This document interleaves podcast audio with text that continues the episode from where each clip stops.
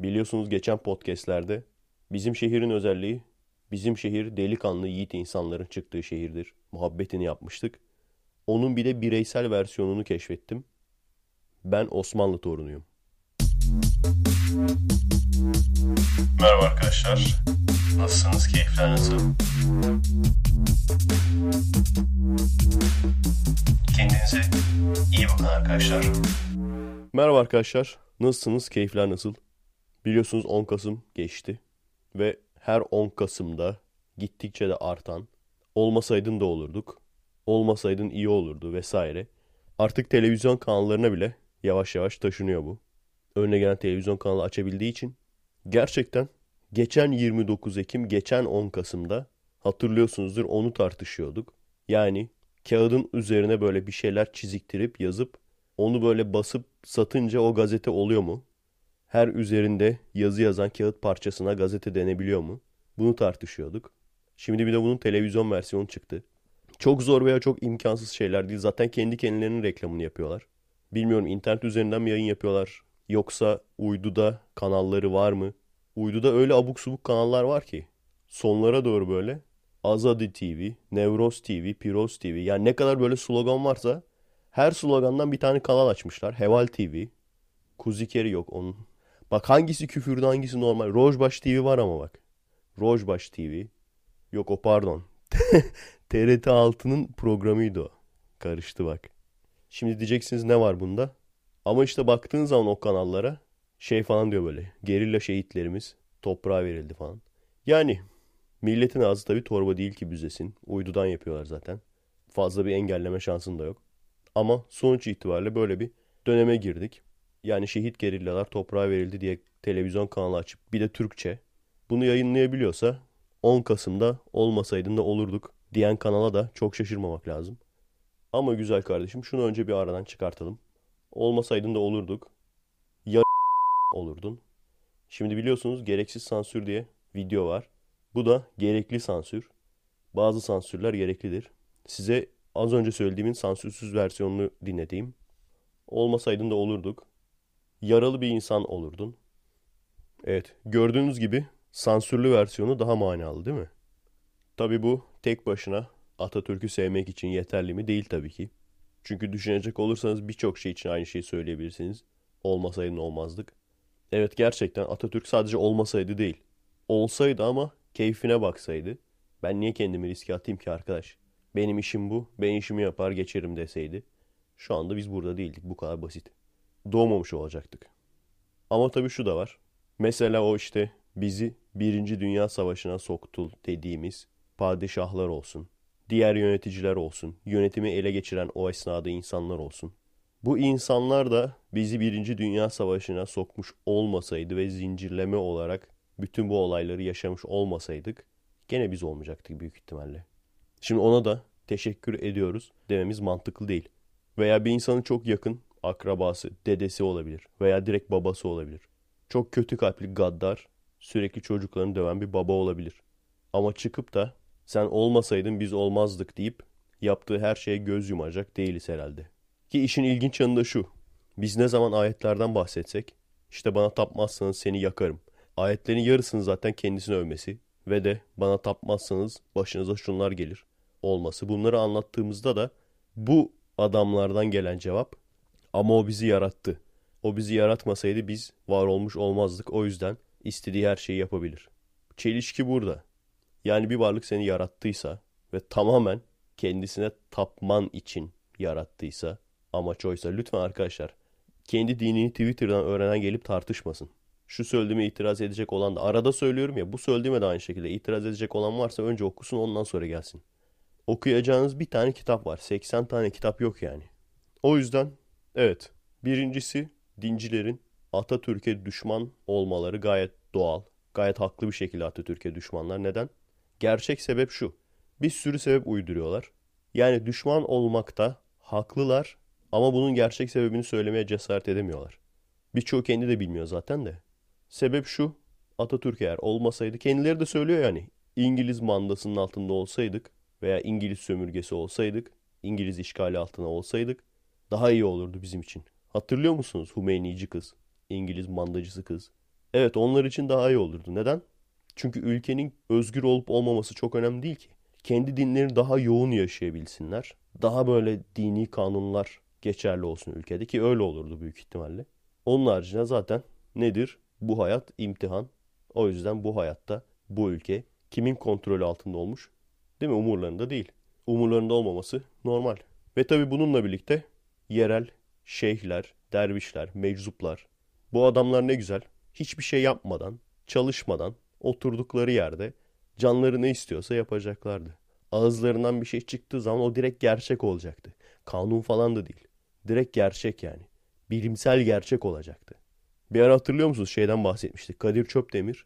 O zamanlar tabi cemaatle hükümetin arası açık değildi. Dolaşıyordu işte böyle. Röportaj yapıyordu. Yani tarikatların, insanların böyle tarikat olarak evlerde toplanmasının ne zararı olabilir ki falan diyordu böyle yaranmak için. Ne kadar acı lan. Bazı insanların bu tür şeyler yapmak zorunda olması. Değil mi? Ne zararı olabilir ki? Bir sürü insanın, onlarca insanın, bazen yüzlerce insanın bir yere toplanıp bir kişiyi şeyh belleyip o adamın ağzından çıkan her şeyi gerçeklik olarak kabul etmesine ne zarar olabilir ki? Ne zarar olabilir? Görüyoruz işte Facebook'ta. İnanamıyorsun değil mi? Yok diyorsun abi olamaz ya böyle insan. Böyle bir insan olamaz. Çünkü mantığa ters böyle bir insan olması. Bu kadar geri zekalıysa bir insan yemek yemeyi nasıl akıl etti? Veya ayakkabılarını bağlamayı, ayakkabıları bağcıklı değiliz gerçi onların da. Yemek yemeyi nasıl akıl etti? Kendi kendisine saplamadan nasıl ekmek bıçağı kullanabiliyor? Bunu düşünüyorsunuzdur. Gerçekten arkadaşlar maalesef var böyle insanlar. Ve bunların sonucunda çıkıyor işte. İnsanlar toplanıyor. Şimdi bir de dijital şeyhler var artık. Daha beter oldu yani. İnsanlar toplanıyor. Diyorlar ki işte bilmem kim hoca efendi veya şey konuşma yapacak. Gidiyorlar adamın ağzından çıkan her şeyi tarihsel gerçek, bilimsel gerçek olarak kabul ediyorlar. Ondan sonra dallama geliyor internette. Yani diyorsunuz ki bu adam hangi ülkede yaşadı, büyüdü? Kendi içinde yaşadığı ülkenin geçmiş. İşte Osmanlı çok heybetliydi aslında. Atatürk geldi bozdu bilmem ne. Allah'ın geri zekalısı. Ciddi ciddi bunu söylüyorlar demek ki. Yani Osmanlı uçuyordu. Harika bir durumdaydı. Atatürk geldi bozdu. Atatürk bozmasaydı Osmanlı dünyaya hakim olacaktı. Bir de bu var. Bunu batılı insanlar anlayamıyor. İçinde yaşaman lazım çünkü. Batılı insana göre olay nedir? İyi insan vardır. Bir de kötü insan vardır. Bu iki tane. Bu insanlar iyiye mi giriyor kötüye mi giriyor sizce? Yani doğduğundan beri tamam bak adamın övündüğü olaya bak. Bir orada Atatürk'ün resmini veya Ecevit'in resmini koymuş. Böyle işte gayet düzgün bir şekilde karşısındaki yabancı başkanı dinliyor. Bir de böyle işte uzun adamı falan koymuş. İşte böyle açmış bacakları falan böyle bacak bacak üstüne atmış, yayılmış falan öyle dinliyor. Bak diyor bizim dünya liderimiz nasıl böyle yayılarak saygısızca dinliyor karşısındakini. Çünkü küçüklükten beri karşıdaki insana saygı göstermek bile bir kere demiştik ya ibnelik olarak kabul ediliyor. Yani bizim de böyle ilkokulda, ortaokulda o dönemlerden geçiyorduk. Sinan, Sinan, Vayan. Ben anlamam abi falan. En çok kullandığımız laf oydu ya. Ben anlamam lan falan. O mahallenin delikanlısı. İşte bu geçmeyince, empati kurulmayınca yarı ergen, yarı büyük, yaşı ilerlemiş ergen türü acayip acayip mutant gibi insanlar çıkıyor. Karşısındakine saygı göstermemekle övünerek mesela. Veya başka ülkelere saldırarak o ülkeleri ele geçirip işgal etmekle övünerek. Hala daha diyorlar ki dünya... Oğlum ne yapacaksın lan dünyayı götüne mi sokacaksın salak? Al dünya senin oldu ne yapacaksın? Çok ciddi soruyorum bak ne yapacaksın abi? Dünya hadi geldi diz çöktü önüne. Ne yapacaksın abi ne yapacaksın salak? Ne yapacaksın? Domuzu yasaklarsın. E başka? Ve bu sadece tabii Facebook yorumlarında kalmıyor. Adamların kendi ailelerine de nasıl davrandığını görüyorsunuz. Ha, azınlık olarak başka ülkeye gittiklerinde falan o zaman direkt mazlumlar, direkt zulüm görüyorlar. Ulan az önce söylediğim sayfayı yapan adam mazlumuz dedi ya. adam etmediği küfürü bırakmadı tamam mı? 10 Kasım'da Atatürk'e iftira, gerçekte olma. Büyük ihtimalle şeyhi işte söylemiş ona. O da onu bilimsel gerçek veya tarihsel gerçek olarak kabul etmiş atmadığı iftirayı bırakmadı. Ondan sonra da sayfayı şikayet ettikleri zaman mazlumuz. Bizim sayfamız şikayet ediliyor. Hani düşünce özgürlüğümüz, demokrasi. Dinliyor musun beni? Senin normalde istediğin yönetim şekli olsaydı şu anda senin kellen vurdurulurdu. Ama onun yerine sadece Facebook sayfan şikayet ediliyor ki onun da Türkiye'deki kanunlarla bir alakası yok. Facebook'un kendi kuralı. Daha önce de söylemiştim. İnsanlarda şöyle bir yanılgı var. İfade özgürlüğü Amerika'da mesela en fazla olan yerlerden bir tanesi. Bunun anlamını bilmiyorlar. İfade özgürlüğü eşittir. Söylediğin şeyden dolayı hapse giremezsin. Ama herkes kendi kurumunda, kendi kafasına göre çok da abartı olmamak şartıyla. Çok abartırlarsa sen onları mahkemeye verebilirsin. Kurallar koyabilir. Yani sen ırkçılık yapabilirsin. Kimse seni mahkemeye veremez. Ama işten atabilirler. Patron ırkçılığa karşıysa veya o kurum ırkçılığa karşıysa seni işten atabilir gibi. Aynı şey internet siteleri için de geçerli. Hepsinin kendi kafasına göre kuralları var. Bazılarında ağzına gelen her şeyi söyleyebiliyorsun. Ama bazıları da daha mainstream, daha ana akım olduğu için kabaca kuralları var. Kabaca insanımsı ol yeter. İnsanımsı olman yeterli oluyor. Her neyse bunu diyen adamın evin içinde de kendi ailesine de nasıl davrandığını biliyoruz. Ben her şeyi yaparım, ben her yere giderim, başka kadınlara giderim. Sen pencereye bile çıkamazsın. Ben anlamam. Ben yaparım, sen yapamazsın. Sebep çünkü ben güçlüyüm. Ben güçlüyüm, sen güçsüzsün. Ondan sonra da görüyoruz ya kocasını benzin döküp yaktı. Kocasını benzin döküp yaktı. Ne demek lan? Hani bir insan kocasını bıçaklarsa o zaman dersin ki acaba kadın mı manyak? Bir insan kocasını ne bileyim kafasına sopayla vuruyorsa dersin ki acaba kadının bir dengesizliği mi var? Bir insan kocasının üzerine benzin döküp uyurken yakıyorsa o zaman artık sorun kadında demezsin yani. İyi gene ben karısı olsam öyle bir adamın derim napalm atarım kafasına ya. Merhaba karıcığım o elindeki telsiz ne öyle? Hiç şöyle bir açıklığa çıkar mısın sana bir şey yapacağım. Şu çarpının üzerine gel. öyle kişisel napalm. Azaltılmış böyle. Yani benim çok umurumda değil. Ben neden Atatürkçüyüm kendim? Atatürk'e taptığımdan falan değil. İnsanların söylediği her şeyi araştırıyorum. Ben Ermeni soykırımı olayını da araştırıyorum. Kim haklıysa o ortaya çıksın diyorum. Birileri birilerini öldürmüş ama neden bir sonuca varılamıyor? Ermeniler bunu dibine kadar kullanmaya çalışıyorlar o yüzden. Dibine kadar kullanmaya çalıştıkları için var olan gerçekleri de saptırıyorlar. Daha abartmaya çalışıyorlar. Öyle olunca da kim kimi öldürmüş, ne kadar öldürmüş, nasıl öldürmüş, neden öldürmüş hiçbir şeyde sonuca varılamıyor. Atatürkçülükte de aynı şey. Türkiye'de iki grup sevmez Atatürk'ü. Birisi bölücüler, öbürü dinciler. Bölücüler der ki işte isyan edenlere çok sert davrandı, çok kötülük yaptı vesaire. O da tartışılır. Sen o sırada olsaydın, bizim uzun adamı hatırlıyorsunuzdur. Ne diyordu? Vergi vermediler diye dersime saldırdılar. Deyip oy toplamaya çalışıyordu açılım esnasında. Ondan sonra ne oldu? O esnada ben demiştim ona hadi sen çöz bakalım. Şiddet kullanmadan öpüşerek koklaşarak hadi çöz bakalım. Ne oldu abi? Ama dincilerin söyledikleri iyice saçmalık. Tek bir söyledikleri doğru. Dine darbe vurmuş olması laikliği getirerek. Onun haricinde ama hiçbir şey bilmiyorlar. Ne tarihsel bilgi var ne de oturup da şu söylediğimiz bir önceki söylediğimizle tutarlı mı bunu düşünmek var. O yüzden çok umurunda değil abicim seni sevip sevmemen. Sevmeyebilirsin ama işte olmasaydın da olurduk. Yar olurdun. Evet biliyorsunuz CNBC'ye değişti artık. TLC oldu, TLC oldu. Çok şükür Amerika'da yaşadığım günleri hatırlatacak bir televizyon kanalı. Yani ne kadar içi boş Amerikan reality show varsa doldurmuşlar. Bizde hani CNBC veya E2 türü kanallarda yabancı diziler geliyordu. Ama aslına bakarsanız iyileri hep geliyordu. Zaten bizim evde televizyon yoktu. Ama misafirliğe falan gittiğimiz zaman ve biliyorsunuz bir buçuk yani toplamda bir buçuk iki aya yakın falan başka yerlerde kaldık. Onların da hep televizyonları vardı. O yüzden televizyon seyretme şansımız çok oldu. Aslında bir sürü kanal var. Bir sürü dizi var. Bir sürü film var. Bir sürü reality show var. Amerika'da kalan sadece yurt dışına açılmayan. Onlardan bazılarını görme şansınız olacak. Cake Boss onu başka bir kanal daha vermişti değil mi? Hatırlıyorum gördüğüm burada. İşte Ultimate Shopper. Ondan sonra Şişman Birinin Hayatı. O Şişmanın Hayatı aslında en mantıklı programlardan bir tanesi TLC'deki. Ben ilk şey sanmıştım. Hani şişman, şişmanlık yapıyor falan. Değil. Dansçılık yapmaya çalışıyor falan. O yüzden biraz daha konulu yani. Çünkü gerçekten hiç konusu olmayan programlar var ya. Acayip bir adam bu.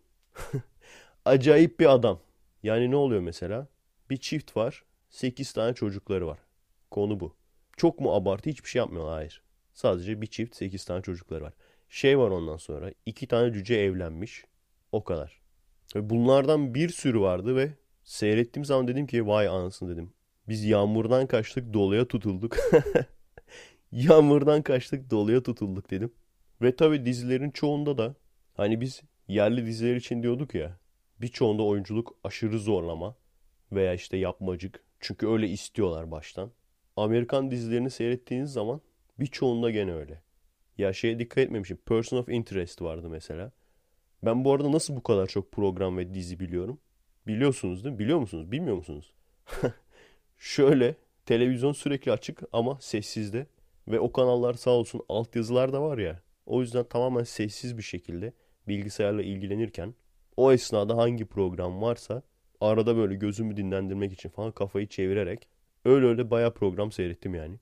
Yani şunu gördüm bizim yerli dizilerde işte yapmacık oyunculuk falan dediğimiz aslında Amerikalıların yapmacık oyunculuğundan çalınmış. çok fazla dizi öyle ya. Şey çok klasik mesela ya kötü adam böyle veya kötü kadın en son kötü olduktan sonra kötü bir şekilde planını anlatır falan. Ne anlatıyorsun öldür lan salak. Ne oluyor ondan sonra öldüremiyorsun başka bir şey çıkıyor. Değil mi? Her zaman için planını anlatması şu anda abicim kötü adamlar planını anlatmasa filmler yarım saat sürer anasını satayım. Diziler de böyle 5. bölümde falan biter. Yani yakalıyor böyle silahı doğrultuyor. Hadi şey de yaptın onu niye yapıyorlar bilmiyorum. Yakaladıktan sonra vurmuyor da böyle bir sandalyeye bağlıyor ondan sonra. Şimdi diyor seni öldüreceğim falan. Hadi onu da yaptın. Çektin silahı sık kafasına. Bitti dizi 5. bölümde. Yok. Doğrultuyor diyor ki şimdi seni öldüreceğim. Nasıl oldu da planımı anlamadın? Ben aslında Jonathan Michael Jackson'la ortak çalışıyordum. Senin gibi akıllı ve kurnaz olduğunu iddia eden birinin açıkçası bunu eforsuzca keşfetmesini beklerdim. Diğeri de böyle atarlı bir şekilde bu yaptıklarının cezasını ödeyeceksin. Ulan nereye ödüyor? Kafana silah sıkacak az sonra. İbne senaryoyu okumuş tabi. Sanmıyorum Richard Moore. Soyadını da söylemesi lazım. Dizide ya çünkü. Dizide olmayınca seyirci anlama hangi Richard. Bizim mahallede de var bir Richard. Belki ondan bahsediyor. Sanmıyorum Richard Moore. Biliyorsun aslında virüsü Jonathan Michael Jackson icat etti sanıyorsun. Ama o virüsü aslında ben icat etmiştim. Ve daha sonra el altından şehre sokup bütün bağlantılarını, bütün bağlantılarını da anlatıyor ki yani kurtulduktan sonra gidip bağlantılarını da temizlesin. Bütün bağlantılarımın telefon numaraları ve ev adreslerini sayıyorum şimdi tek tek. Seni öldürmeden önce. Ondan sonra sayıyor falan. Tetiği çekiyor falan böyle silah doldurmamış. ciddi ciddi o işte person of interest'te rahatsız oldum. Ses bile kapalıydı yani düşün. Artık rahatsız oldum değiştirdim en sonunda ya. Sessiz bile bu kadar rahatsız etmeyi başardı yani. Ve dikkat edecek olursanız Amerikan dizilerinin çoğu öyle. Öyle salakça, yapmacık olmayan, oyunculuğu yapmacık olmayan az var. Şeyler falan daha az rahatsız edici. Şu Walking Dead'i seyrediyorum. O falan gene daha iyi yani. Dexter'da o kadar rahatsız etmiyordu oyunculuk. Prison Break'te bence oyuncular bayağı iyiydi yani. Özellikle kötü adamlar. Her neyse konu gene dağıldı ya. Ben esasen TLC'den yani TLC'den neden bahsedecektim? Yeni bir diziye başladılar. Aquarius diye. Bizim Mulder oynuyor başrolde. Şöyle 3-4 dakika falan seyrettiğiniz zaman direkt anlıyorsunuz abi neyle ilgili olduğunu. Direkt Manson ailesi yani Charles Manson ve onun kandırdığı hippiler. Bununla ilgili bir hikaye. Charles Manson biliyorsunuz kendisi kimseyi aslında öldürmedi. Ama tarikatında beynini yıkadığı insanlar ve bunlar tamamen zararsız hippi yani. Bu insanlar bir sürü masumu öldürdü. Ve Charles Manson şu anda hayatta. Hapiste yatıyor. Ve adamın salınması için neler neler yaptılar. Ne gösteriler yaptılar. Dışarıda kalan müritleri. Normal insanlar değil tabii de dışarıda kalan müritleri. Sürüne sürüne şehrin bir tarafından bir tarafına falan gittiler böyle. Düşünün. Ve gerçekten yani o diziyi seyretmeseniz bile bilmiyorum ne kadar kaliteli. Biraz seyrettim güzel gibiydi. O diziyi seyretmeseniz bile Charles Manson'ı tanımanız lazım gerçekten.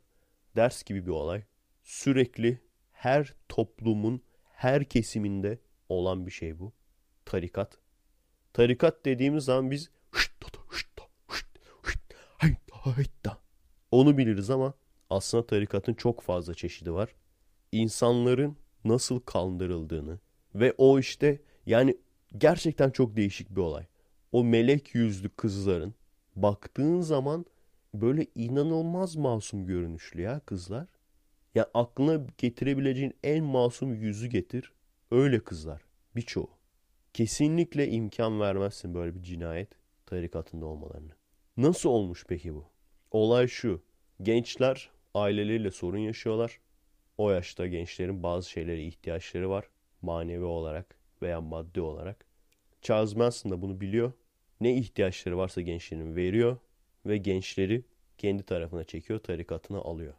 O yüzden işte bizde bile zararsız görünen, işte böyle göbek atan, bilmem ne yapan, biz bilim yapıyoruz, ilim irfan yapıyoruz diyen ve işte sizin de böyle abi biz komiklik olsun diye seyrediyoruz dediğiniz tarikatlar düşündüğünüzden çok daha tehlikeli olabilir. Ve o tarikatlar nasıl oluşuyor, nasıl kuruluyor bunlar çok önemli. Bunları bilmeniz lazım. Özellikle Türkiye gibi çok fazla başıboş olmuş artık bir yerde. Size demiştim ya hizmet ve oy avcılığı ayrı şeylerdir diye. Aynı şey değildir. İşte farklarından bir tanesi. Oy avcılığı olduğu zaman bu tür şeylerle ilgilenmezsin. İşte şurada tarikat varmış tehlikeli. Yani en tehlikelisi de içindeki insanlara tehlikeli. Bunlarla ilgilenmezsin.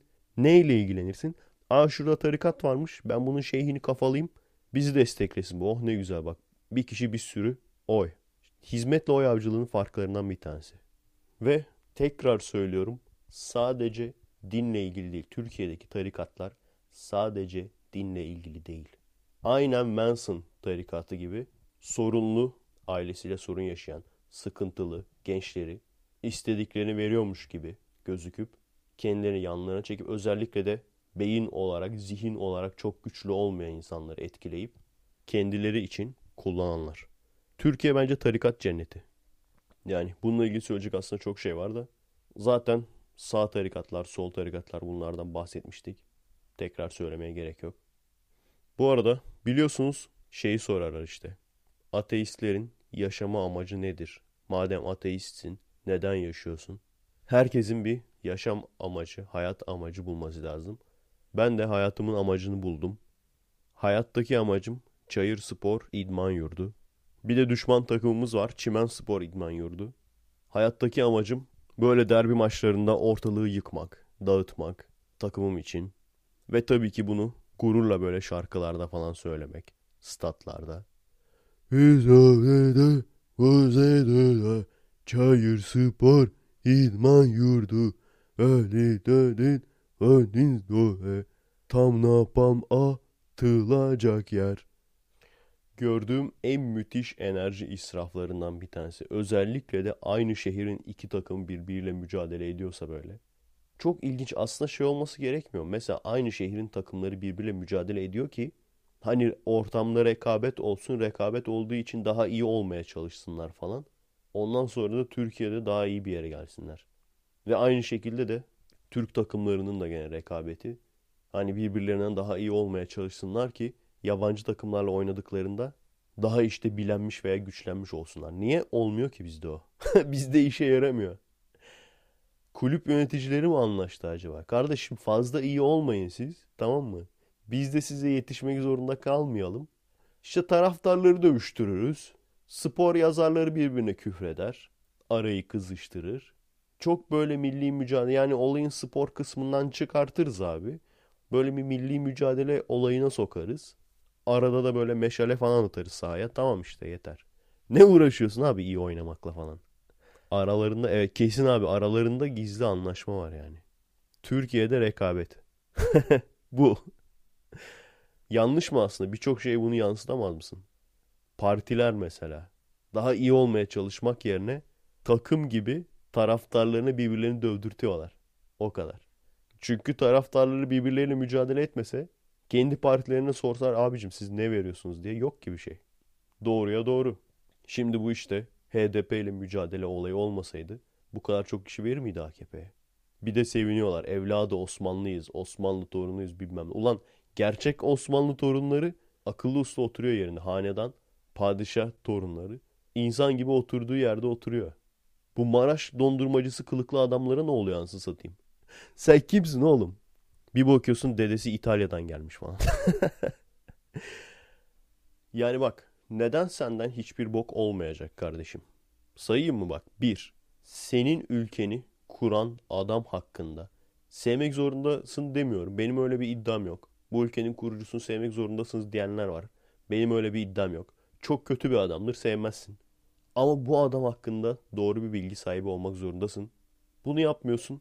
Bir, bilmeden kendi ülkeni kuran adama senin şu anda elinde mikrofonla dondurmacı gibi böyle gezmeni sağlayan adama bu şekilde atarlama. Başka bir deyişle seni besleyen eli ısırman bir. Kendine hayrın dokunmadığı gibi sana hayrı dokunan insanlara bile 3 kuruşluk çıkar işte kadro mu alacaksın makarna mı veriyorsun neyse artık veya işte öldükten sonra hurilere mi kandın? Derdin neyse 3 kuruşluk çıkar için bu insanları satmam. Bir. Ve en önemli sebep bu. İkincisi hayvan gibi empatiden yoksun olman. Yani bak aslında bu sefer kelimenin tam hani her şey biz hayvan gibi diyoruz ya. Bu aslında kelimenin gerçek anlamıyla hayvan gibi. İnsanı diğer hayvanlardan ayıran ve insanı üstün kılan özellik empatidir. Hani diyorlar ya abi ayetlere inanmıyorsan niye o kötülük yapmıyorsun? Empati çünkü. Çünkü insanlar düşünmüş demiş ki bana bunlar yapılırsa ben memnun olur muyum? Olmam. O zaman ben etrafımdakileri de yapmayayım. Mesela ben güçlü iken karşımdaki adam güçsüzken ben bu adamı ezmeye çalışmamalıyım. Neden? Çünkü yarın bir gün aynısı bana da olabilir. Aynısı bana olursa o zaman benim hiçbir şey deme hakkım olmaz. Ki aynen böyle oluyor. Empatiden yoksun toplumlar şu anda artık 21. yüzyılda barınamaz. Neden? Çünkü diğer toplumlar o kadar iyi bir şekilde bağlantı kurmuş ki. Aralarında böyle bir tane kılıcı sallaya sallaya işte biz dünyayı fethedeceğiz abi falan diye gelen adamı direkt ezerler. Ve buradan da üçüncü maddeye geçiyoruz. Üçüncüsü de salak olman. Yani işte dünya bizim olacak. Ha? Bir, neden senin olacak? Öteki insanlara yazık değil mi? Veya dünya bizim karşımıza diz çökecek. Neden? Sen üstün insan mısın? Niye başka ülkeler senin karşına diz çöksün? Başka bir ülke gelip sana aynısını söylese. Bu ikinciydi. Üçüncüsü de salak. Neyle çöktüreceksin? Neyle? Neyle çöktüreceksin? Ya neyse ki bizim ordu bu manyakların elinde değil. Henüz. Ya yanlışım varsa düzeltin burada. Büyük ihtimalle ordu, silahlı kuvvetler alanında uzman bir sürü insan vardır. Kendi seyircimi tanıyorsam. Bizim askerimiz kalite olarak üst düzey. Yani bireysel kalite olarak üst düzey. Şeyleri sayma o kadar. Bu zorunlu askerlik yapan erler, PDRM'ler falan onları pek sayma. Veya benim gibi böyle çavuşları falan sayma. Biz şafak sayıcıydık. Profesyonel olanları say. Kalite olarak üst düzey. Ama terör örgütüyle savaşmak ayrı bir şey. O da zor. Bununla birlikte bir ülkeye kafa kafaya girmek. Yarın bir gün belki Batı'nın gazıyla Suriye'ye zaten girdik gireceğiz neredeyse. Belki Batı'nın gazıyla İran'a falan da girmeye çalışabiliriz. İran'la bak dünyayı falan geçtim tamam mı?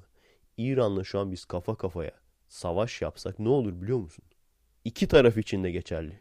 Sadece bizim için değil iki taraf için de geçerli. Ya yeriz. Sansürsüzün de söyleyeyim. Yarım elmayı yeriz. Keşke tarih bilsen kardeş. Birbiriyle savaşan büyük ülkelerin sonun ne olduğunu, kumar oyununda her zaman için kumarı oynatanların kazandığını, oynayanların değil. Kaç yüzyıl geriden geliyorsun kardeşim? Eskiden savaşarak kazanılıyordu. En iyi savaşan kazanıyordu. Şimdi en iyi savaşmayan kazanıyor. Başka ülkeleri birbirine kırdırıyorlar. Niye kendi askerini sokacak ki oraya? Başka ülkenin ordusunu sokar. Orayı zayıflatır sonra gelir kendisi toparlar ne varsa. Yani o siteye var ya küfretmeye doyamadım anasını satayım. yani dışımdan küfrettim tabii yazmadım küfürlüyorum da Facebook silip duruyor çünkü. Şeyi çok merak ediyorum yani şu adamın o Facebook grubunu açan 10 Kasım ile ilgili o adamların tipini görsek. Başka bir şey istemiyorum bak bir tipini görsek yani. Alacaksın abi klavyesini kafasında kıracaksın anasını satayım. Büyük ihtimal laptopla şey yapıyordu. Laptopu komple kıracaksın kafasında abi. İşte Atatürk İngiliz ajanıydı falan. Nutuk'u okudun mu kardeşim? Ne zorluklarla o insanları topladın. Ama tabii Nutuk'u da İngiliz ajanları yazdı değil mi? Tarihi farklı göstermek için. Veyahut İngilizler Osmanlı'dan neler istiyordu? Kurtuluş Savaşı'ndan sonra nasıl üçün birini aldılar? Eğer Atatürk İngiliz ajanı olsaydı bunları alamazlar mıydı? Ve tabii ki bunları söylediğimiz zaman ne cevap geliyor biliyorsunuzdur. İşte tarihi bilerek farklı gösteriyorlar. Çünkü bütün dünya aslında gizlice bize karşı. Evrimle ilgili konuştuğumuz zaman da onu diyorlar ya. Bilim dünyası aslında bizim dinimizin ilerlemesinden korktuğu için hepsi böyle ortaklaşa olarak. Basından gizleniyor abi bir de o vardır. Basından gizleniyor. Neyi söylersek bu cevabı. E, doğrudur abi çünkü sonuçta şeyhimiz öyle dedi yani. Adamın ağzından çıkan bir laf.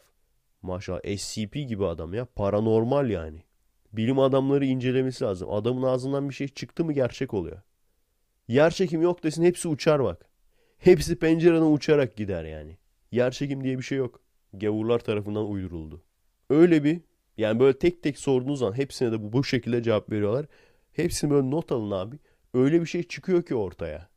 Bütün dünyanın böyle farklı ülkelerdeki bilim çevreleri tamam mı? Farklı ülkelerdeki tarihi belgeler, tarihi kayıtlar, tarihçiler bunların hepsi aslında birbiriyle gizlice bağlantılı. Diyorlar ki abi biz ne yapsak da şu dinin önüne geçsek bir, bir de abi işte ne yapsak da Osmanlı geri gelecek, dünyaya hakim olacak. Onun önünü kesmemiz lazım. Ne yapalım acaba? Hep birlikte bütün tarihçiler ağız birliğiyle bazı belgeleri falan yanlış gösterelim. Bak mesela az önce saydığım maddelerle ilgili gene. Biri çıkmış demiş ki bir gene yetkili ağız. Yetkili ağız ne demek onu da bilmiyorum. ne olunca ağzın yetkili oluyor? Ağzına yani ne sokman lazım ki yetkili bir ağız oluyorsun? Düdük mü sokuyorsun? Ne yapıyorsun yani? Hani hakeminkini anlarız. Onun ağzında düdük var o yetkili ağız. Bunların da ağzında düdük var. Yani yaptığı açıklamalara bakılacak olursa bunların da ağzında düdük var. Demiş ki beyefendi karma eğitim insanın fıtratına aykırı. Değil mi güzel kardeşim? Zaten onu da yaptığın zaman olay bitecek herhalde yani. Şu anda çünkü kıvranıyorsunuz. Hala da erkeklerle kızlar aynı yerde okuyor. Erkekler kızların da insan olduğunu fark ediyor. Ona kıvranıyorsunuz yani. Çünkü sen çocuğa istediğini söyle. Çocuk ne diyecek? Ama ben bak kızlarla konuşuyorum gayet. Onlar da insan. Evlenilecek öyle mal değiller. Baya baya insana benziyorlar yani. Onların da duyguları falan var. Hani alıp da böyle eve koyup hizmetçi gibi işimi görsün. Bir de çocuğumu üretsin. Onun istekleri yok mu? Var işte ona da para veririz. Tamam. Bölücülük. Cinsiyet bölücülüğü bu seferde. Böl ve yönet. İnsanların mesela Türkiye'de yaşayıp Türkçe öğrenmemelerini isteyenler. Bunu ben uydurmuyorum. Gerçekten böyle siteler görüyorum. Yani bak Kürtçe öğrenmelerini veya konuşmalarını isteyenler demiyorum. Türkçe öğrenmemelerini istemek. İşte Türkiye'de yaşıyorsan Türkçe konuşacaksın. Sözüne falan atarlanıyorlar. O zaman siz dünyada yaşıyorsunuz. İngilizce mi bilmeniz lazım? Evet öyle. İngilizce bilmen lazım. Çünkü İngilizce bilmezsen sadece bu coğrafyaya kısılı kalırsın. Aynı şekilde Türkçe bilirsen eğer ve Türklerle birlikte karma olarak aynı okullarda okursan o zaman işte seni Türklerle düşman yapamazlar. Ve Türkler için de aynı şey geçerli. Sen de gene küçüklükten beri Kürt insanlarla aynı okulda okursan ve birlikte büyürsen aynı şekilde onlara karşı da empati kurabilirsin. Bu bölücülüktür işte. Bu başka bir şey değil. Bu bölücülüktür. İnsanların böyle küçük küçük gruplar halinde toplulukları alıp etkisi altına alıp başka gruplara karşı kışkırtıp kavga edip bundan nemalanması milletin işine geldiği için faşist olan biz oluyoruz abi. Bunları söylediğimiz için. Bir insan grubuyla yani bak ırkçılığı, ayrımcılığı Amerika'da nasıl çözdüler? Ve bizde de bak biliyorlar bunu. Bildikleri için tam tersini yapmaya çalışıyorlar. Orada nasıl çözdüler? Çok basit. Karma olarak insanları birlikte yetiştirerek. Bir sınıfta Hintlisi, Zencisi, Çinlisi, Asyalısı hepsi bir arada. Hepsi bir arada okuduğu zaman hepsine karşı empati sahibi olabiliyor. Hepsinin insan olduğunu anlayabiliyor. Aradaki farkın sadece böyle bir işte deri farkı ve kültür farkı olsa da yani en azından onların da insan olduğunu, kanlı canlı insanlar, duygusu, düşüncesi olan kanlı canlı insanlar olduğunu fark edebiliyor. Çok ilginç arkadaşlar. Ayrı ayrı insanları yetiştirdiğin zaman gerçekten diğer tarafa çok rahat düşman edebiliyorsun. Bunun bir deney yapabilirsin mesela. Yapı, yapılamayacak bir deney gene. Zihin deneyi veya düşünce deneyi diyelim. Mesela bak esmerler tamam mı? Sadece siyah saçlılar yani. Siyah saçlılar ama bir sınıfta sadece siyah saçlı olsun tamam mı? Başka bir sınıfta da sadece sarışınlar. İyice böyle Hollandalı sarışını gibi. Ve bir tarafa böyle sarışınlarla ilgili kötü şeyler söylensin. Diğer tarafta da işte siyah saçlılarla ilgili kötü şeyler söylensin. O grupları bile bölüp, ayrıştırıp, çarpıştırıp kavga ettirtebilirsin büyüdükten sonra. Gerçekten neredeyse farklı bir ırk, farklı bir millet gibi görmeye başlayabilirler büyüdüklerinde. Sarışın, sarışını görüyor mesela. Sanki böyle düşman milletten birini görmüş gibi. Bence kesinlikle olabilir bu. Yani bak bunları anlatıyoruz hala gelip niye ırkçısın Efe Aydal? Irkçı olmanın sebebi... Ondan sonra bloklayınca da faşist diyorlar ya. Ya kardeşim bak kaç tane podcast'te bir tane podcast iki günüme mal oluyor benim. Bir saatlik bir podcast. Sen bunu adam gibi dinlemiyorsun ondan sonra bir de ayrıyeten sana da açıklama yazmam gerekiyor. Oluyor mu şimdi yani? Ha bana neden ırkçı dendiğini ben biliyorum. Çünkü mesela şu anda çıkıp Türkler salaktır desem kimse bana ırkçı demez değil mi? Hatta birçok insan alkışlar. Vay ne kadar ilericisin falan, ne kadar modernsin falan diye. Aydın falan derler yani bana. Ben her milleti, her grubu eleştiriyorum. Aman kendi grubumu eleştireyim bazılarını eleştirmeyeyim demiyorum. O yüzden işte olay bu. Veya dalga geçeceğim zaman her grupla dalga geçiyorum. Bir grupla dalga geçeyim öteki grup aman o ırk, o ırk dokunulmaz ırk onunla dalga geçmeyeyim demiyorum. O yüzden ırkçı sanılıyor. E o zaman homofobik de demeniz lazım. Bir sürü gay şakası da yapıyorum burada. Diyorlardır gerçi. yani arkadaşlar bakın. Hani ırkçı, faşist bunları küfür gibi kullanıyor insanlar. Hayır ırkçılık doğru olsaydı ben çıkıp burada söylerdim. Ben bunlardan koca insan değilim. Kapalı grubumuzdaysanız zaten oradaki tartışmaları görüyorsunuzdur. Olabilirdi. Yani gerçekten bir ırk üstün ırk olabilirdi. Diyelim ki Neandertallar ölmedi. Şu anda gerçi Neandertalların da zeki olduğu söyleniyor ama biliyorsunuz Neandertal da alt tür olarak sayılıyor. Yani başka bir tür değil alt tür olarak sayılıyor. Homo sapiens neanderthalis diye olması lazım. Diyelim ki bunlar tamamen genetik olarak aptal. Ben çıkıp bunu söylerdim. Derdim ki Neandertal ırkı aptaldır. Veya eğer ki biz daha çok izole olsaydık yani işte siyahlar, beyazlar, Asyalılar vesaire daha uzun süre izole kalsaydık, daha uzun süre birbirimizi keşfedemeseydik o zaman gerçekten de genetik olarak ırklar birbirinden farklı olacaklardı. O zaman şunu diyebilirdik mesela. Atıyorum siyahlar daha zeki, beyazlar daha hızlı koşar, Asyalılar işte daha güçlüdür, kaslıdır. Böyle bir şey diyebilirdik belki. Ama şu anda bunun doğru olmadığını görüyoruz. Nasıl görüyoruz? En basitinden aşırı zeki ama zep zenci bilim adamları var. Adam zep zenci yani. Samuel Johnson zencisi. Hani böyle hafiften sütlü çikolata değil yani. Hani sütlü çikolata olsa çünkü şey dersin. Bak beyazla karışmış falan. Hayır değil adam bildiğin Samuel Johnson yani. Bildiğin Ebue. Tamam mı? Ebue'nin amcaoğlu ama adam bilim adamı yani. Yani adam bildiğin Fanny Madida. tamam sustum abi. sustum tamam. Veya git en geri kalmış bir topluluk dediğim bir kabileden bir tane çocuk bebek al. Onu yetiştir.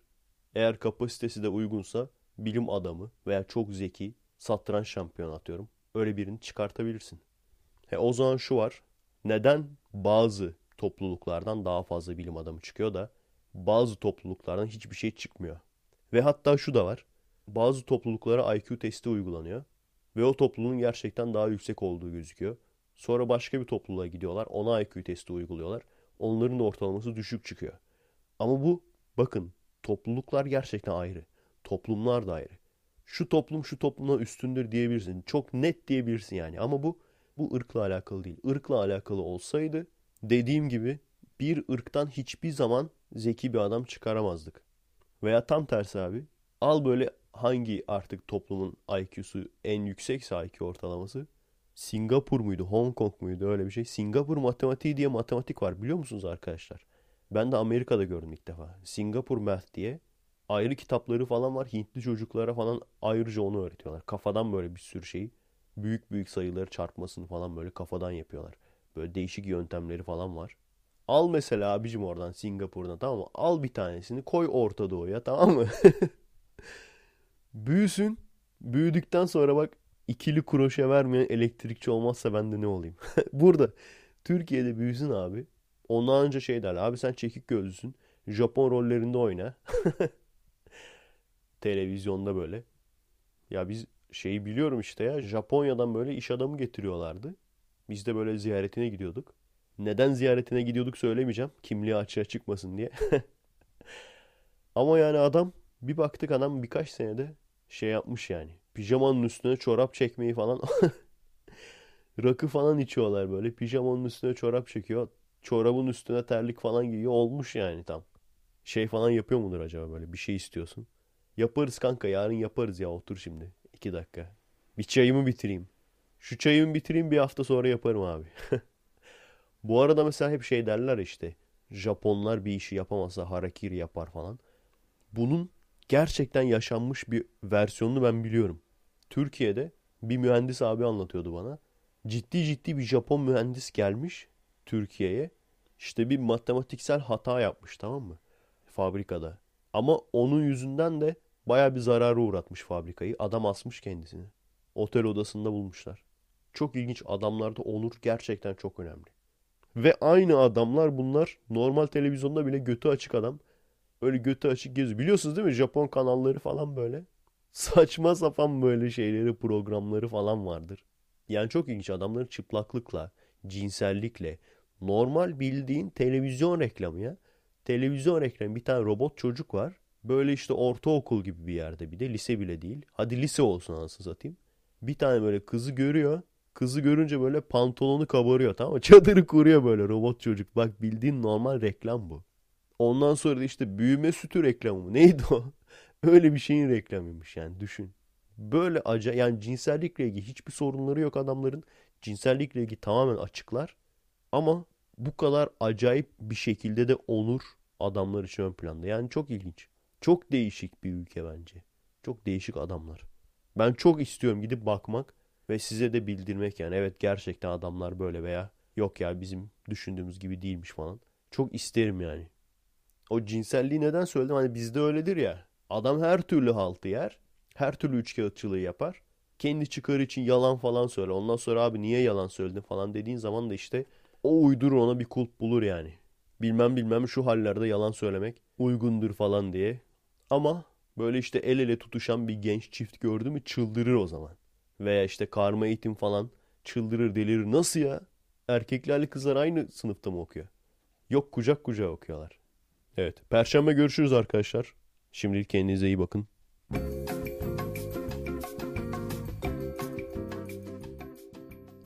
Perşembeden merhaba arkadaşlar.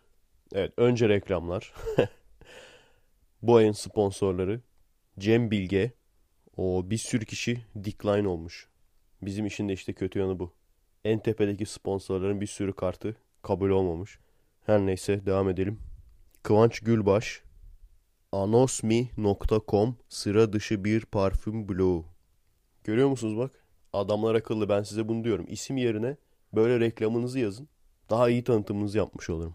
İsim kısmına yani. Her neyse devam edelim.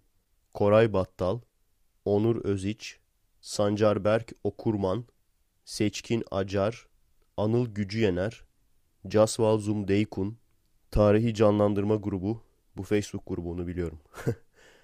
James Onur Benli, Barış, soyadı gizli olan arkadaş ve Kaan Yazgan. Bunlar bu ayki sponsorlarımız.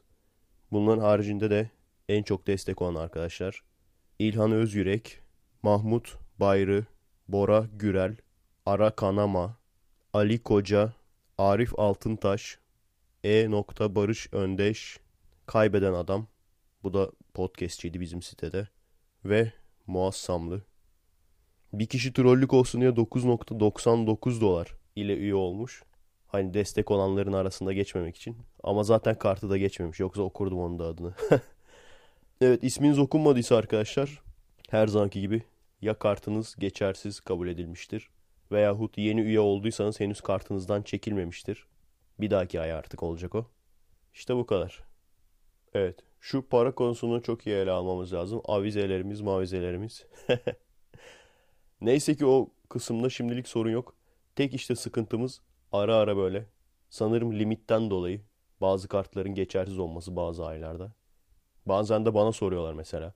Abi kendini geliştirmen lazım ama sen kendine vakit bulabiliyorsun. Hani ben diyorum ya maddi olarak daha sıkıntıda olsaydım veya daha sıkıntılı bir ailede olsaydım bunun avantajlarını kullanamazdım. O zaman da diyorlar peki maddi olarak sıkıntıdaysak ölelim mi? O zaman da arkadaşlar ikisini birden yürütmeye çalışacaksınız. Gerçekten sabır isteyen bir iş bu. Amerika'dayken yani oraya gitmek zorundaydım. Çünkü gerçekten bu işin maddi yanı da var. Yani her ne kadar manevi olarak tatmin oluyorsanız da maddi olarak ilerlemiyorsanız kendinize ekipman alamıyorsunuz. Veya bu tür bir iş açamıyorsunuz. Düşün bak hiç vergi mergi yüzdesini geçtim. Vermen gereken Bağkur var. 430 lira. Nasıl vereceksin ki bunları yani doğru düzgün para kazanamıyorsan? Veya baştan bir paran yoksa. Eğer okuldaysanız okuyorsanız zaten çok hızlı bir şekilde gelişemezsiniz.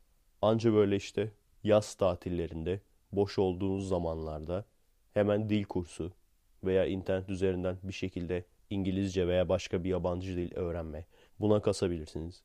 Veya herhangi bir alanda ilerlemek istiyorsanız grafikerlik olsun, animasyon olsun, müzisyenlik olsun. Gene boş zamanlarınızda bunu değerlendirebilirsiniz ama okullardan mezun olana kadar tam anlamıyla bunu zaten yapamayacaksınız. Çok da hani sıkıntıya girmeyin. Çok yavaş ilerliyorum abi falan diye. Biliyorum ben de giriyordum o sıkıntılara. Yani değil mi? Siz böyle faydalı bir şeyler yapmak istiyorsunuz. Faydalı bir şeyler öğrenmek istiyorsunuz. Size zorla kafanıza formül sokmaya çalışıyorlar. Ama böyle. Bizde maalesef bizim eğitim sisteminde gerçekten insanın hani kafasına şöyle ağır birkaç tane bir şey koyayım da fazla düşünemesin adamlar. Mantığıyla fazla kurcalamasın diye kafasına ağırlık koyayım mantığıyla ilerliyor. Dediğim gibi önemli değil sabredeceksiniz bir. İkincisi mezun olduktan sonra da diyelim ki gene işe girmek zorundasınız bazı sebeplerden dolayı. Gene yavaş ilerleyeceksiniz. Bir taraftan para biriktirirken bir taraftan ağır ağır her şeyi aynı anda yapmak zorunda değilsiniz yani. Spor yapayım, dövüş sanatına gideyim, satranç oynayayım, dil öğreneyim falan hepsini veya bilimle uğraşayım hepsini birden yapmak zorunda değilsiniz. Boş vaktinizde ne yapmak hoşunuza gidiyorsa oradan geliştirirsiniz. Bir de şu çok önemli arkadaşlar bakın. Şunun da farkına varmak lazım. Evet doğru.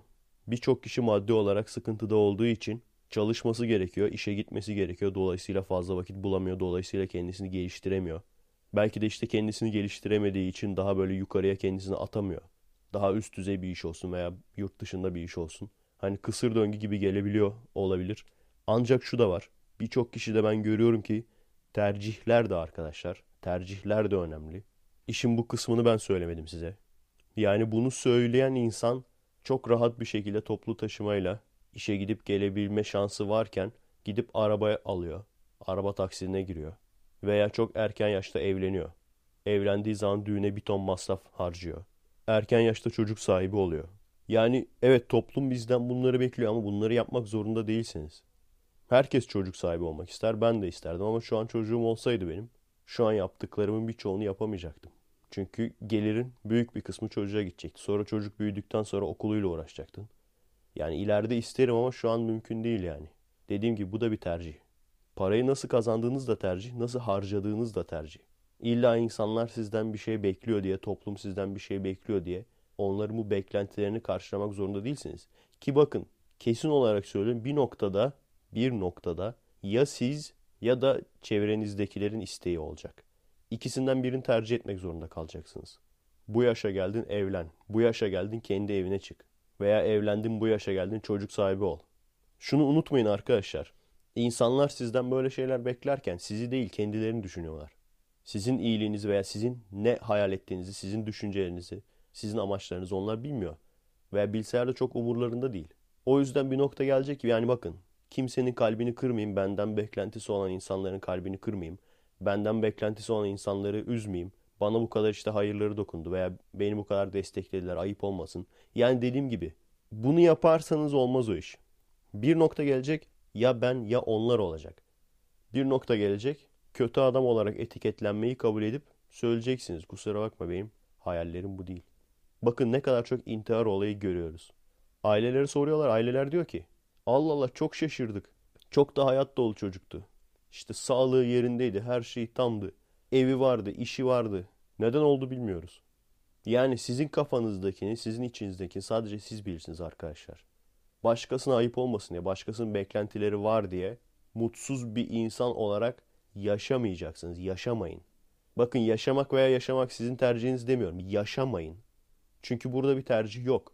Başkası mutlu olsun diye, başkası işte torun tombalak oynayacak diye veya başkası sizden bir şeyler bekliyor, sizin onunla bir şeyler yapmanızı bekliyor diye kendi hayatınızı, kendi hayallerinizi engellerseniz hiçbir zaman kesinlikle mutlu olamayacaksınız bir.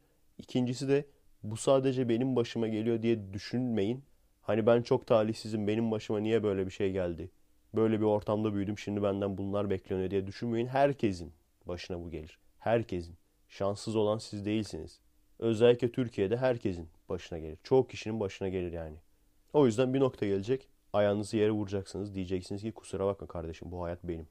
Eğer bunu diyemezseniz hiçbir şeye para yetiştiremezsiniz tabi. Ondan sonra da hiçbir şeyi gerçekleştirmeye fırsat bulamazsınız.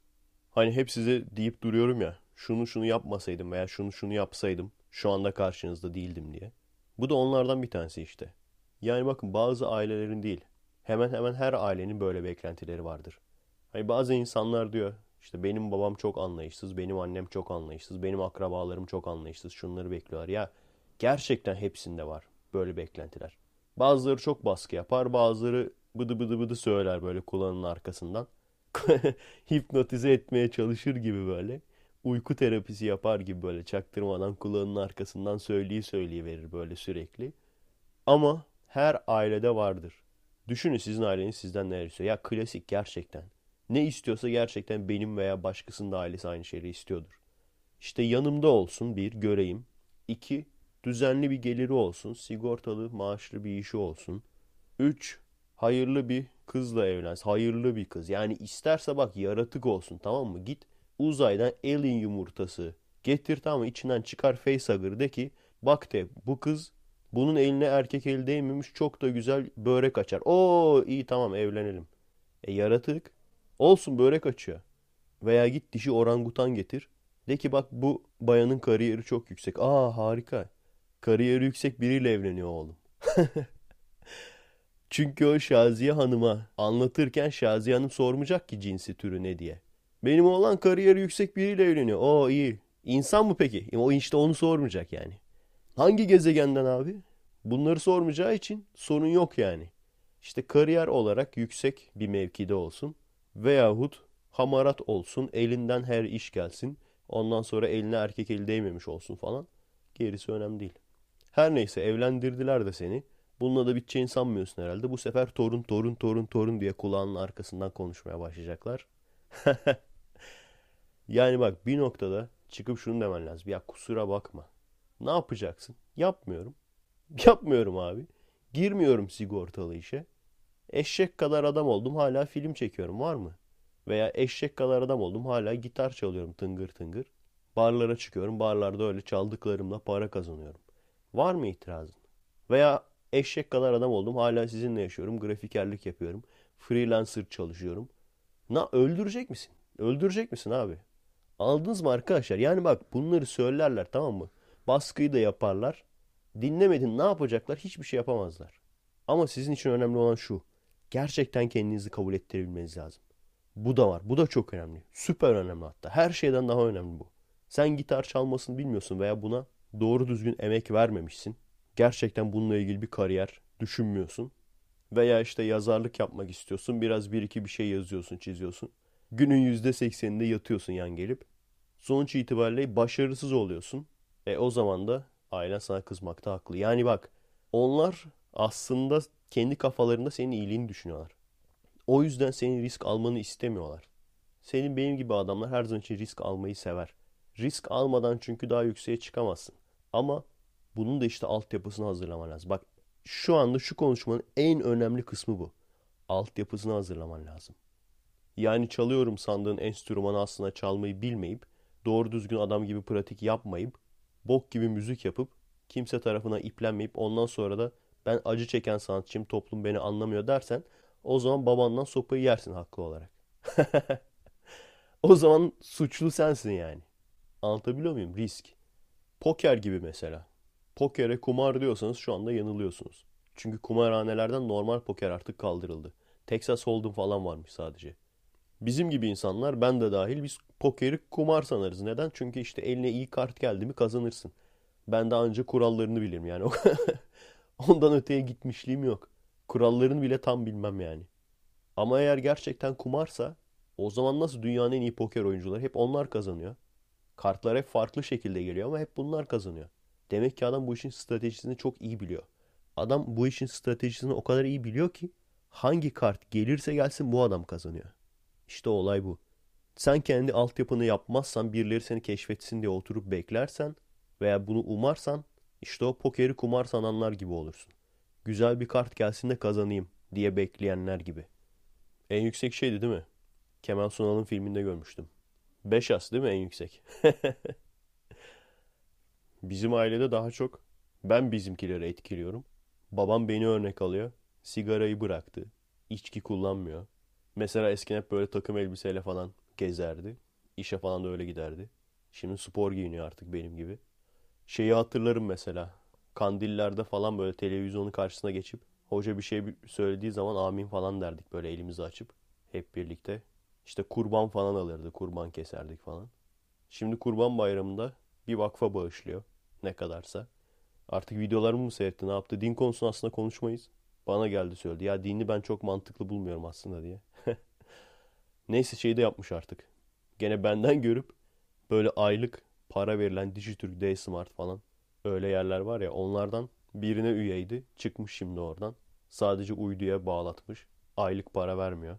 Zaten anlamıyorum gayet yeterli değil mi uydu? Yani uyduda olmayan daha ne var ki ansı satayım? Uydu çok manyak bir şey ya. Sonları gidiyorsun böyle. Anlattım ya işte Heval TV, neydi Jinjian TV falan. Ondan sonra daha da gittikten sonra bir baktım abi Uzay TV tamam mı? Oha dedim.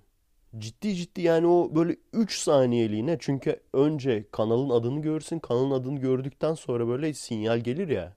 2 saniye 3 saniye sonra falan. O 3 saniye içine ben neler hayal ettim böyle. İşte dedim acaba Kozmos'un Türkçe dublajcısı mı var?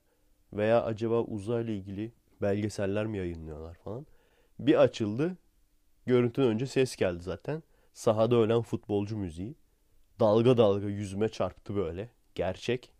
Ondan sonra dedim ki ben ne eşek bir adammışım, ne salak bir adammışım. Türkçe uzayla ilgili bir kanal olacağını hayal ettiğim için. Tamamen suçlu benim yani. Bir baktım böyle yıldızlı bir arka planda ön tarafta ayetler, arka tarafta müzik sahada ölen futbolcu. Ama neden uzay? Neden bu işkenceyi yapıyorsunuz bize? Neden uzay? Neden? Feza de bak. Ona da razıyım abicim. Ona da razıyım babacım. Neden uzay? Feza de ya. Hatta fez koy, tire koy, A de. Fez A. Ben sana yapayım mı? Hadis diye bir kanal açayım. Açtığı zaman Cosmos çıksın. The Universe çıksın. Walking with Caveman çıksın. Yapayım ben de yapayım hadi. Hadis diye kanal açacağım. Sırf sana trollük olsun diye.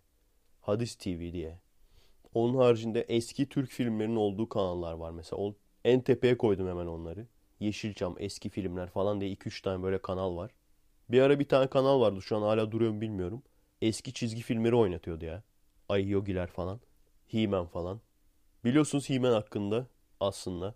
Hani şey derler ya şirinler aslında komünizmi anlatıyor. He-Man de aslında gençlerimize subliminal mesaj veriyor. O yüzden kaldırıldı. He-Man ne demek? Aynı şekilde okunan farklı şekilde yazılan bir kelime. Ne? Kızlık zarı demek. He-Man karakteri yani kızlık zarı karakteri elindeki kılıcı şöyle erekte bir şekilde yukarıya kaldırıyor değil mi? Ne oldu? He-Man erekte kılıcı yukarıya kaldırdı. Yukarıya kaldırdıktan sonra ne oluyor? Şimşekler çakıyor. Ne anlama geliyor şimdi? Bakın size bırakıyorum. Anlamını söyleme bile gerek yok yani. Şimşekler çakıyor ve Prens Adam iken He-Man'e dönüşüyor. Yani erkek oluyor. Anladın mı? He-Man karakteri erekte kılıcını yukarıya kaldırınca şimşekler çakıp erkeğe dönüşüyor. Daha artık bir şey söyleme gerek var mı? Arka planda ne var? Türkçesini Gölgeler Şatosu diye çevirmişler. Aslında Castle Grace kaldır. Yani gri kuru kafa. İçinde ne vardır? Yarı çıplak bir büyücü. O kadar soyunacak ne vardı? Sen büyücüsün anası satayım. O soğukta hava sıcak olsa anlarım. O soğukta niye sen öyle mayo gibi bikini gibi kıyafette geziyorsun? Bir de kanatları falan var böyle. Victoria's Secret gibi. Ve ondan sonra da zaten o gri kuru kafa kalesinin içine nereden giriyor? Kuru kafanın ağzından. Bu da ileri derecede oral ilişkiyi müjdeliyor. İşte bu yüzden kaldırdı arkadaşlar. Bu basından gizleniyor. Lütfen yayalım bu. Kesin bilgi silinmeden yayalım. Evet. Bunun haricinde zaten normal Türk kanalları var. Hala seyreden. Eskiden mesela şeyi seyrediyordum bak. Bu yeteneksizsiniz falan. Böyle ilk sezonlarındayken birinci, ikinci sezonda falan böyle sessiz olarak kapalı bir şekilde dururdu. İşte gene bilgisayarla ilgilenirdim falan. Böyle ilginç bir şey olduğumu sesini açardı falan. Hani öyle gidiyordu yani. Ondan sonra artık iyice boku çıktı. Yani sessiz bile dayanılmayacak hale geldi. İşte şey falan klasiktir. Her sezonda 2-3 tane vardır. Merhaba ben Tarık Heimlich. Wehrmacht'tan geliyorum. Size beatbox yapacağım.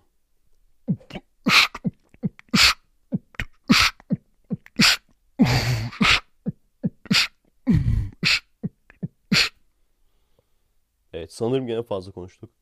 Podcast'i bitirmeden önce benim Memento arkadaşıma sen kim olduğunu biliyorsun. Buradan selam olsun. Bu sefer beni kandıramadın. Evet hepimizin böyle Memento arkadaşı vardır abi. Böyle birlikte bir yere gideceksiniz. Bir de mesela mekanda olmanız lazım. 12.59'da evden çıkar. Hani nasılsa bir değil hızlı koşarsak yetişiriz abi falan diye. Neyse artık şey yapıyorum kafamda belliyorum o tür arkadaşları tamam mı? Bu gerçekten güzel bir taktik. Bunu uygulayabilirsiniz arkadaşlar. Böyle saat mevhumu hiç olmayan biri 5 geçe çıkayım eksi 5 dakikada giderim abi ne olacak hızlı koşarım eksi 5 dakikada giderim. Bu şekilde hiç saat mevhumu olmayan arkadaşlarınıza bunları abi memento arkadaş diye böyle kafanızda bir gruba koyacaksınız. Bu arada neden memento arkadaş diyorum? Çünkü her aradığımda biraz daha geriye gidiyor. Bir de buluşacağız diyelim bir buçuk oluyor arıyorum. Abi diyor 15 dakika sonra oradayım. Bekle geliyorum. Bekliyorsun ondan sonra. Saat 2 oluyor arıyorum. Abi otobüs bekliyorum. Otobüse binmek üzereyim. Duraktayım şu anda. ne oldu geri mi gitti? Neyse abi biraz daha bekliyorsun. Saat oluyor iki buçuk. Tekrar arıyorsun. Abi şimdi çıkıyorum evden. Çöpü döktüm. Kediyi besledim. Şimdi çıkıyorum evden. Sonra yarım saat daha bekliyorsun korka korka. Arıyorsun abi. Abi yataktan kalktım. Şimdi kahvaltıyı yapıp geliyorum. Ulan nasıl oluyor bu iş? Birkaç kere daha arasa adam şey diyecek. Abi göbek bağım kesildi. göbek bağım kesildi. Şimdi büyüyüp geliyorum. Veya şeydir o da klasiktir abi. Üçte konakta buluşacaksın diyelim. Saat dört oluyor böyle. Hiç arayan soran yok. Ondan sonra sen arıyorsun ne olmuş bakalım diye. Bir saat geçmiş aradan. Ha abi biz Alsancak'ta kafede oturuyoruz gelsene. Öylesi de var değil mi?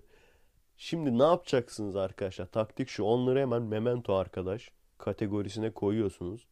O insanlarla bir yerde buluşulacaksa şöyle olacak abi. Birisinin böyle evi falan olacak. Bir. Diyeceksin ki saat 3'te biz o evdeyiz. Zamanında gelirse gelir. 2 saat geç gelirse de 2 saat geç gelir. İkincisi de o arkadaşa bağlı bir atraksiyon olmayacak. Mesela FRP grubu falan olmayacak yani. Veya çekim bile olsa o arkadaşın önemli bir rolü olmayacak yani. Sonradan gelirse verecek seninle kamerayı, kamera arkası falan kaydedecek. Ki ben normal çekime kesinlikle çağırmıyorum o tür insanları. Ama diyelim ki buluşacaksınız yani bir şekilde. Ben mesela ne yaptım? Dedim ki abi ben zaten şu mekandayım. Hali hazırda. Şu saatten şu saate kadar oradayım dedim. Gelirsin dedim oradan çıkarız birlikte gideriz nereye gidilecekse. Tamam dedi gelmedi tabi. Aramadı da ben de geri aramadım. Ama ne olmuş oldu? Boşu boşuna beklememiş olduk abi. Eğer ki mesela 1-2 saat sonra arasaydı. Aa ben geldim sen neredesin diye. En azından şey derdim. Baktım bekledim yarım saat ben seni bekledim abi falan diye. Uydururdum böyle. Valla ben seni bekledim abi. Yani arkadaşlar hayat gerçekten geç kalan insanları beklemeye değmeyecek kadar kısa. Saat mevhumu olmayan arkadaşlarınızı beklediğiniz için ne kadar hayatınızdan zaman çalındığını düşünün yani. Normal zamanda sen telefonda oyun oynar mıydın? O kadar. Bir saat oyun oynadın değil mi boşu boşuna? Veya bir saat Facebook'a baktın. Yani zaten hani değmeyecek bir arkadaşla hiç muhabbet ettiğine değmez.